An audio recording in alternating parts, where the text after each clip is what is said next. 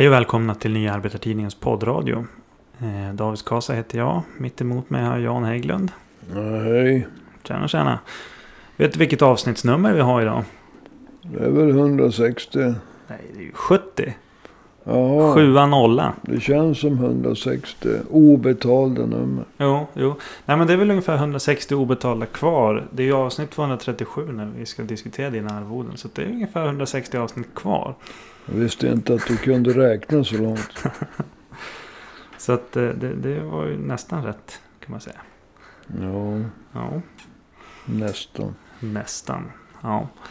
Ehm, jag tänkte börja med att nu när jag har förberett mig. Jag har ju hittat eh, eh, folk som har swishat oss här de senaste veckorna. Jag har ju missat det i ett antal avsnitt. Så jag tänkte börja med att tacka. Eh, vi har Elin, Annika, Ingrid, Hannes, Martin, Zainab, Jonas, Mustafa, Knut och Dimitrios.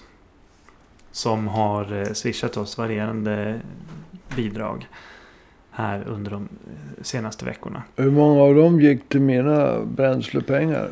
Eh, ja, det var ju ingen som hade sagt det i något, i, i något meddelande. Ja, det är väl så självklart att de inte behöver säga det. Så alla var alltså till mig då. Precis. Men som sagt, ett stort tack. Och vill man själv swisha så... eh, Tack, jag stötta med. oss, så, så, så kan man ju skicka till 123 504 7105. Alltså 123 504 7105. Alltså inom parentes B. Om det är bränsle. Ja, just det. Ja, jag specificerar gärna om det är bränsle åt Janne. Då. Diesel är ju hans bil. Så du kan ju skriva diesel. Nej, B som är bränsle. Jag tänkte D som är diesel. Då kan jag hävda att nej men det där är ju inte till Janne. Du ser, det står ju D. Det är ju, det är ju Davis.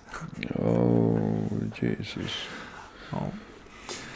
Ja, ja, vi ska röra oss till eh, dagens ämne då. Vi eh, kommer ju ha eh, två eller tre. Jag tror vi säger att det kommer att bli tre delar här om eh, att valrörelsen har börjat. Det är ju bara ett år och fem månader kvar ungefär till valet. Och av allt att döma så ser det ut att bli en smutsig valrörelse. Ja, det kan man nog säga. Jo. Och eh, tanken är att ta upp en del eh, olika infallsvinklar på det här, de här kommande poddarna. Eh, idag då så kommer vi prata om socialdemokratin, SKP, VPK och Stefan Löfven. För att ett skäl till att valrörelsen ser ut att bli smutsig. Det är ju eh, den diskussion som nu har pågått ett tag. Om, om eh, vilket förhållande eh, socialdemokratin hade till kommunisterna under tiden före, under och efter andra världskriget. Varför är det helt plötsligt aktuellt en diskussion om Socialdemokraternas förhållande till kommunisterna? Ja, alltså. Det är ju så här. Att eh, både efter valet 2014 och valet 2018 så bildades det ju olika block för att hålla SD borta från politiskt inflytande. Eh, Efter valet 2014 så var det ju decemberöverenskommelsen. Mm. Och efter valet 2018, det tog fyra månader den gången, så var det januariavtalet. Och båda de gick ju ut på att regeringspolitiken, den skulle hållas fri från inflytande från SD. Efter valet 2018 så delades ju de fyra traditionella borgerliga partierna upp sig. Eh, Centern och Liberalerna de ingick ju januariavtalet med Socialdemokraterna Mm. och Miljöpartiet. Medan eh, Moderaterna och KD markerade ju distans. Och i juni i fjol då sa Moderaterna att de var beredda att bilda regering Även om den regeringen skulle bli beroende av Sverigedemokraternas stöd. Och då hade KD redan fattat det beslutet. Mm. Så att det finns en viss oro och olust bland ledarna inom Moderaterna och KD över att gå till val på att vara politiskt beroende av Sverigedemokraterna. Man har ju exempelvis sagt att man ska föra budgetförhandlingar med dem. Mm. Och ännu mer oroliga är naturligtvis ledningen i Liberalerna som numera har sagt samma sak. Så varken Moderaterna, KD eller Liberalerna kommer undan att om de hamnar i en situation där de får bilda regering så kommer den regeringen att vara politiskt beroende av Sverigedemokraterna. Och det är olustigt. Men man kan inte förneka det. Mm. Men vad man kan göra det är att försöka relativisera det. Mm. Är det där ja, och kommunisterna där, kommer in? Ja, och där försöker, för, därför försöker moderater, kristdemokrater, liberaler och med dem sammanlänkade tidningar, journalister, media. Att säga, ja men det är väl inget konstigare att liberaler, kristdemokrater och moderater är beroende av SD. Än att Socialdemokraterna i 70 år har varit beroende av SKP. Som sedermera bytte namn till VPK. Jag menar, Socialdemokraterna var beroende av kommunisterna. Det är ju till och med värre än att Moderaterna med fler är beroende av Sverigedemokraterna. Mm. Och då försöker man få det hela att ta ut varandra. Och denna jämförelse har man då liksom kommit fram till för att rädda sig. Mm. Och det är rena historieförfalskningen. Mm. Vad, vad är problemet med den eh, jämförelsen då? Ja, problemet den är att Socialdemokraterna har under de 70 år som den här perioden handlar om. Alltså från det SKP, Sveriges kommunistiska parti, bildades 1921. Bytte namn till VPK 1967 och upplöstes eller bytte namn och blev det moderna V. 1970-71. Nej, 1990. 91. Mm. Alltså man bytte namn 1990 och man gick till sitt första val. Mm. Med det nya partinamnet. Och Gudrun Schyman då. Vid rodret. Mm. 91. Eh, under den tiden. Under de 70 åren. Från SKPs bildande 1921 till VPK, VPKs upphörande 90-91, 70 år. Så har Socialdemokraterna aldrig varit politiskt beroende av kommunisterna. Om Mm. man med kommunisterna menar SKP, VPK. Mm. Det. Och det är i detta att man har hittat på i efterhand att Socialdemokraterna har varit beroende av kommunisterna. Det är där historieförfalskningen ligger. Just det. Vi ska ta och gå in på det. Bara för, för våra lyssnare. Menar, vi ska ju prata även om eh, VPK, SKPs och även om Sverigedemokraternas demokratiska brister i, i, i kommande poddar. Jag kan tipsa nu att vi har två stycken tidigare poddar. Avsnitt 30 och 31. Som handlar om stalinismen i Sverige. Och, och där vi tar upp en del av de demokratiska bristerna hos SKP och VPK. Men vi har inte eh, möjlighet nu att uppehålla oss vid det. Utan eh, hur, hur ser historien ut då? Alltså hur såg socialdemokratins förhållande till SKP och VPK ut på den tiden då det begav sig så att säga? Ja, jag vill först säga så här. Man kan diskutera SKP, VPKs demokratiska brister fram och tillbaka. Frågan här är huruvida var Socialdemokraterna beroende av SKP, Precis. VPK. Precis. Därför att det finns ingen som kan hävda att Moderaterna, Kristdemokraterna och Liberalerna, ifall de vinner valet tillsammans med SD i, i nästa år, Mm. inte kommer att vara beroende av SD.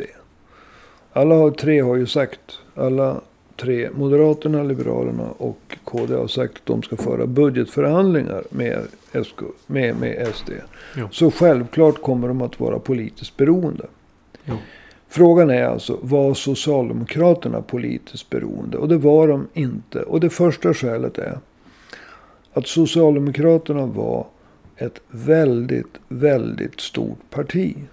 Under hela den här perioden så låg Socialdemokraterna vanligtvis långt över 40 procent. Mm. Och under perioden eh, före, under och efter andra världskriget, alltså just i samband med andra världskriget, så var Socialdemokraterna ännu större. Man Mm. passerade till exempel 50 procents spärren.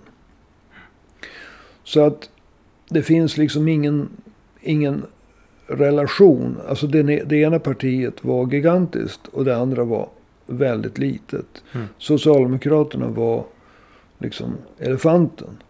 Och SKP, det var myran. Mm. Socialdemokraterna, elefanten, var inte beroende av myran. De var så väldigt mycket större. Men det var inte hela sanningen.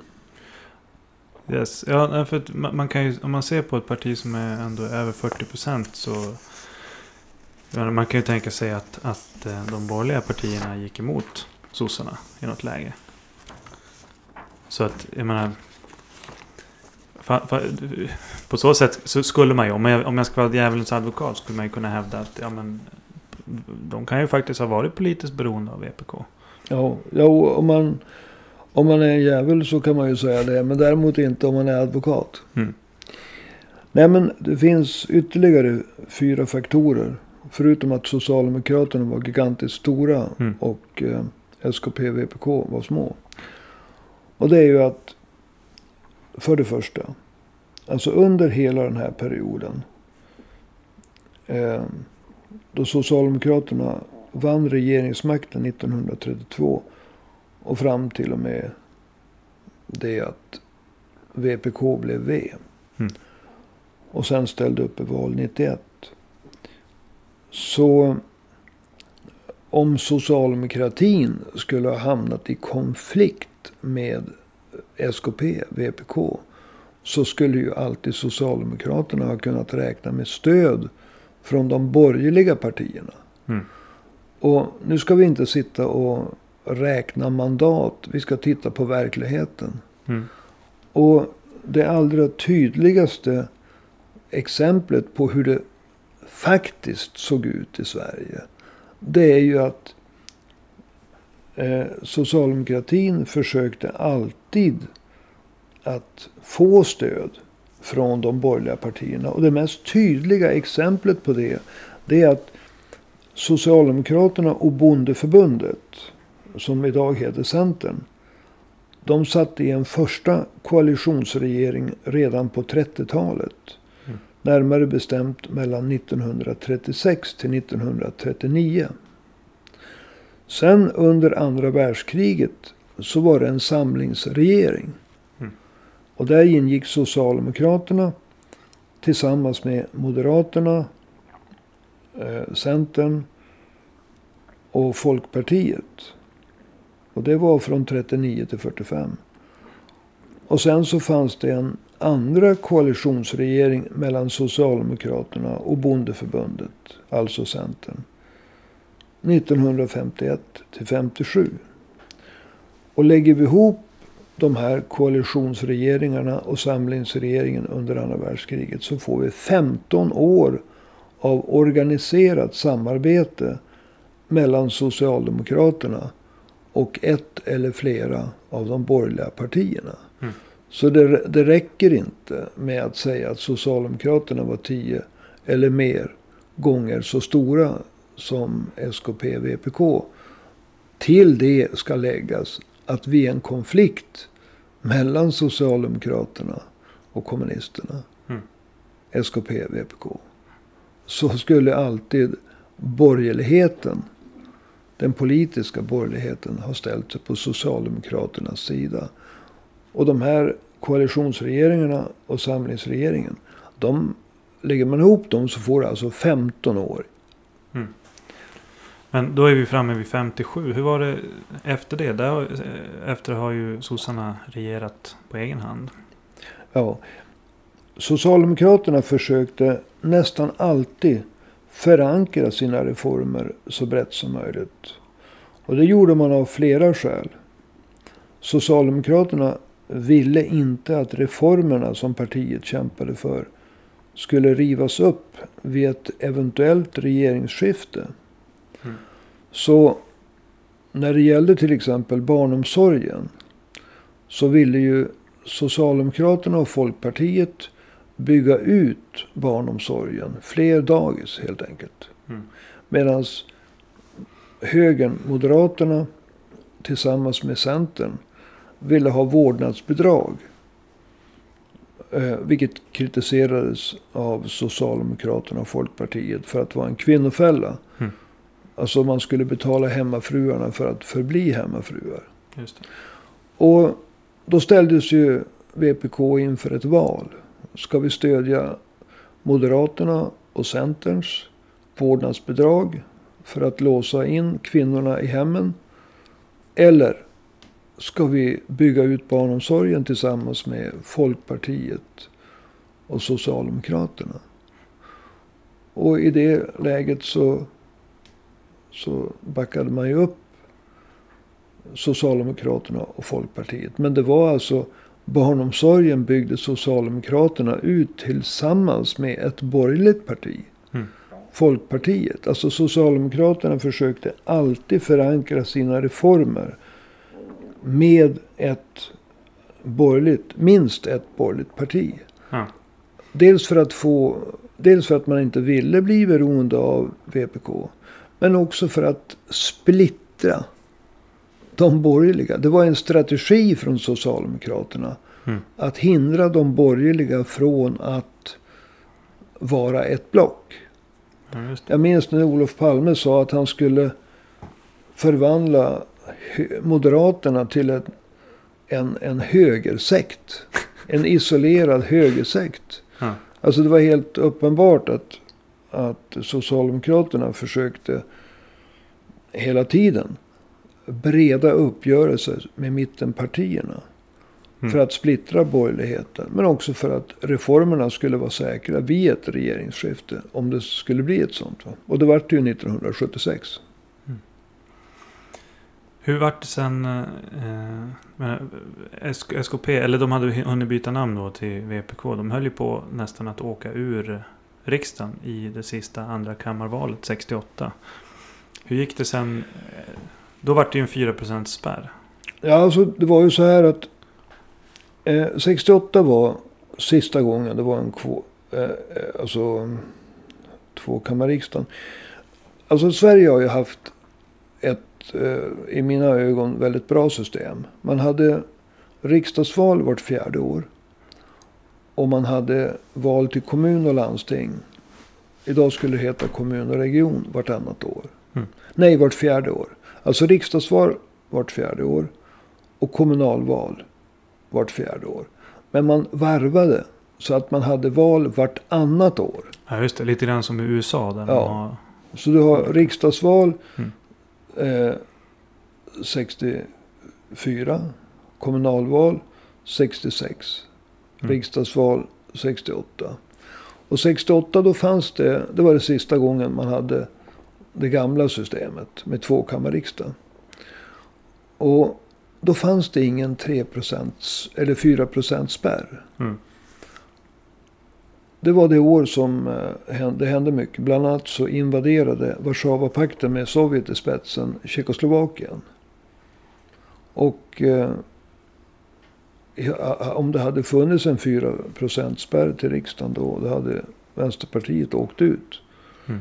Även om C.H. Hermansson var först ut av alla partiledare att kräva de hårdaste tagen mot Sovjet. Man skulle frysa de diplomatiska förbindelserna. Vilket ingen annan partiledare ville. Ja. Även om man kritiserade Sovjet hårt för att invadera Tjeckoslovakien. Så eh, fick dåvarande VPK under ledning av C.H. Hermansson 3% av rösterna. Men från och med 1970 när man införde enkammarriksdagen. Då införde man också en 4 spärr. Mm. Och från och med det så blev VPK beroende av socialdemokratiska eh, stödröster. Och man, det, det döptes i folkmängd till Kamrat 4 Mm. Det vill säga eh, Socialdemokraterna hjälpte eh, VPK att få 4 Va? Men det innebar ju att det var inte Socialdemokraterna som var beroende av eh, inom situationstecken kommunisterna. Ja, det blir tvärtom. Då. Utan det var kommunisterna, alltså VPK. Och jag säger inom citationstecken för att det var få som var rädda för C. Hermansson, det vill jag påstå. Mm. Men det var VPK under C.H. Hermansson som var beroende av Socialdemokraternas stödröster. Och det gjorde ju inte att VPK var direkt störska mot Socialdemokraterna. För i så fall så hade de inte fått några socialdemokratiska stödröster nästa år. Mm. Eller Mm, nästa bye, val. bye. Och då hade man åkt ur riksdagen. Ja. Så att det där förändrade ju beroendet av Socialdemokraternas stödröster. Kamrat 4% Det förändrade ju styrkeförhållandena. Och det talar ytterligare emot att Socialdemokraterna var beroende Mm. av kommunisterna. Finns det något ytterligare? Eh, vad låter det? Finns det något ytterligare eh, skäl till? Ja, det gör det ju. Du nämnde fyra faktorer. Ja, Jag just det. tre hittills. Ja, fyra faktorer plus det att Socialdemokraterna var så mycket större. Jo, alltså det fanns ju naturligtvis åsiktsskillnader mellan Socialdemokraterna och SKP, VPK. Men i de allra flesta fall så stod ju de politiska förslagen från Socialdemokraterna närmare SKP, VPKs åsikter än vad de borgerligas förslag gjorde. Så Socialdemokraterna kunde därför ofta ställa SKP, VPK inför fullbordat faktum. Det här är vårt förslag och det där är de borgerligas. Varsågod och välj. Vi tänker inte diskutera vårt förslags utformning med er. Mm. Ni får bara välja. Och skulle då SKP, VPK fälla Socialdemokraterna i en allvarlig fråga. Då innebar det ju att de fällde en arbetarregering. Mm. Så var ju snacket. Och att fälla en arbetarregering och tillsätta en borgerlig. Mm. Det hade varit ett absolut politiskt självmord för SKP, VPK. Ja. Så att det är den fjärde faktorn förutom storleken, alltså skillnaden i storlek mellan partierna. Mm. Så att om man får sammanfatta det hela. Socialdemokratins politiska styrka var överväldigande i förhållande till, till SKP, VPK. Alltså de var så mycket större. Och det gällde från det sossarna bildade regering ensamma 1932 fram till 1991. Ja. Men till det kommer att Socialdemokraterna skulle aldrig, alltid kunna räkna med stöd från de borgerliga vid en eventuell konflikt med SKP VPK. Sen Socialdemokraterna strävade medvetet efter att förankra sin politik hos ett eller flera borgerliga partier. Och det kan man tydligt exemplifiera via till exempel koalitionsregeringarna mellan Socialdemokraterna och Bondeförbundet, idag Centern. Mm. För det tredje, VPKs beroende av stödröster från S, eller Kamrat 4 procent. Mm. Och för det sista, att SKP VPK nästan alltid föredrog socialdemokratins politik före borgarnas. Ta utbyggnaden av barnomsorgen som jag talade om. Ja. Ska vi bygga fler dagis eller ska vi betala kvinnorna för att vara hemma med vårdnadsbidrag? Mm. Och lägger vi samman dessa faktorer så blir det svårt att hävda någon annan slutsats än att Socialdemokraternas beroende av SKP, VPK, historiskt sett har varit minimalt. Man kan, jag kan eh, säga att i samband med ATP-striden så behövde Socialdemokraterna eh, SKPs röster. Mm. ATP, det var pensionerna? Ja, pensions... Det var 58-59 den eh, stora striden stod.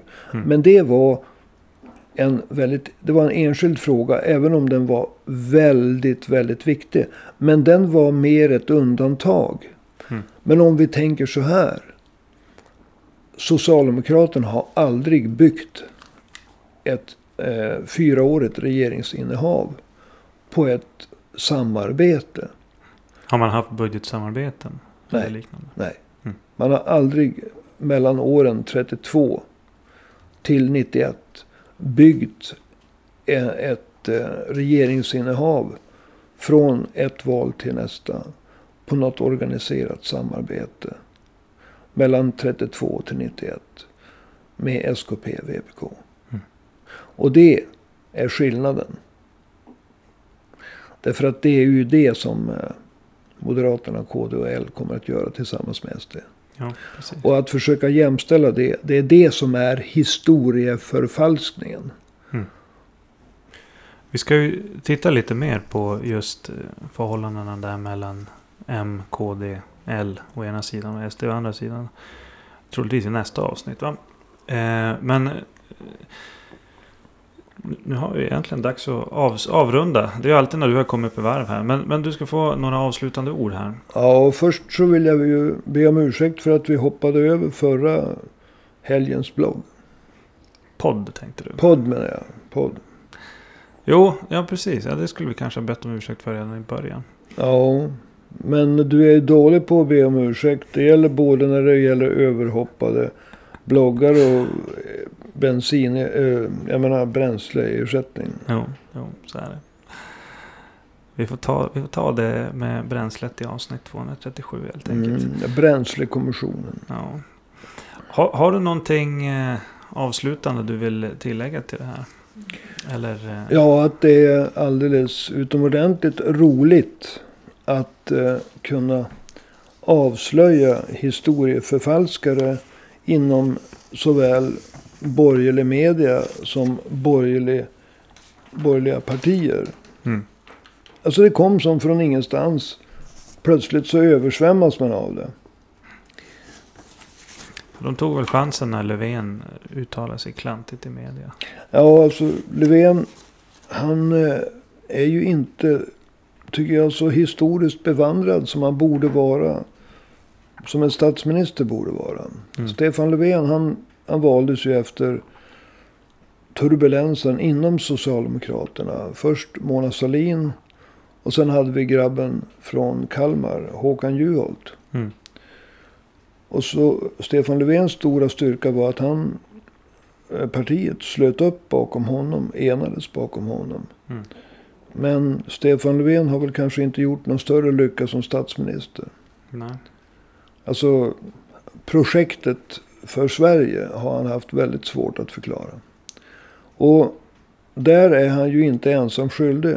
Utan socialdemokratin som helhet har ju haft väldigt svårt att dra upp några riktlinjer. Utom att sitta kvar vid, vid makten till varje pris. Men historiskt kunnig skulle jag inte vilja påstå att Stefan Löfven är. Han skulle kunna säga det jag har sagt nu. Men det gör han inte, för det kan han inte. Och det är väl det socialdemokratins problem är just i den här debatten. Det skulle jag vilja påstå. Alright, men du, då får vi tacka för idag då. Ja, du tackar förstås. Men Ja. ja. jag väntar på mina bränslepengar. Ta en kopp kaffe och, och ska du se att det blir några bränslepengar någon gång i framtiden. Ja. Alright, ja men tack ni som har lyssnat också. Det här har varit avsnitt 70 av Nya Arbetartidningens poddradio. Vi eh, har ju påbörjat här, det är första delen i en serie inför valet eh, 2022. Trots att eh, det är ett tag kvar. Men det är inte så länge. Det är ett år och fem månader kvar bara. Så har ju valrörelsen har satt igång. Och den eh, ser ut att bli smutsigare än på många år. Eh, jag som säger det här heter David Skasa. Eh, du som lyssnar, jag vet inte vad du heter, men du kan skicka ett eh, Swish-bidrag om du tyckte att det var intressant det här. Vårt nummer är ju som sagt 123 504 7105. Alltså 123 504 7105. Inget bidrag är för stort eller för litet. Och eh, jag får tacka återigen för idag då, Janne. Ja, visst. Och skriv gärna ett P som är bränsle. Precis. Då hörs vi igen nästa vecka. Hej då!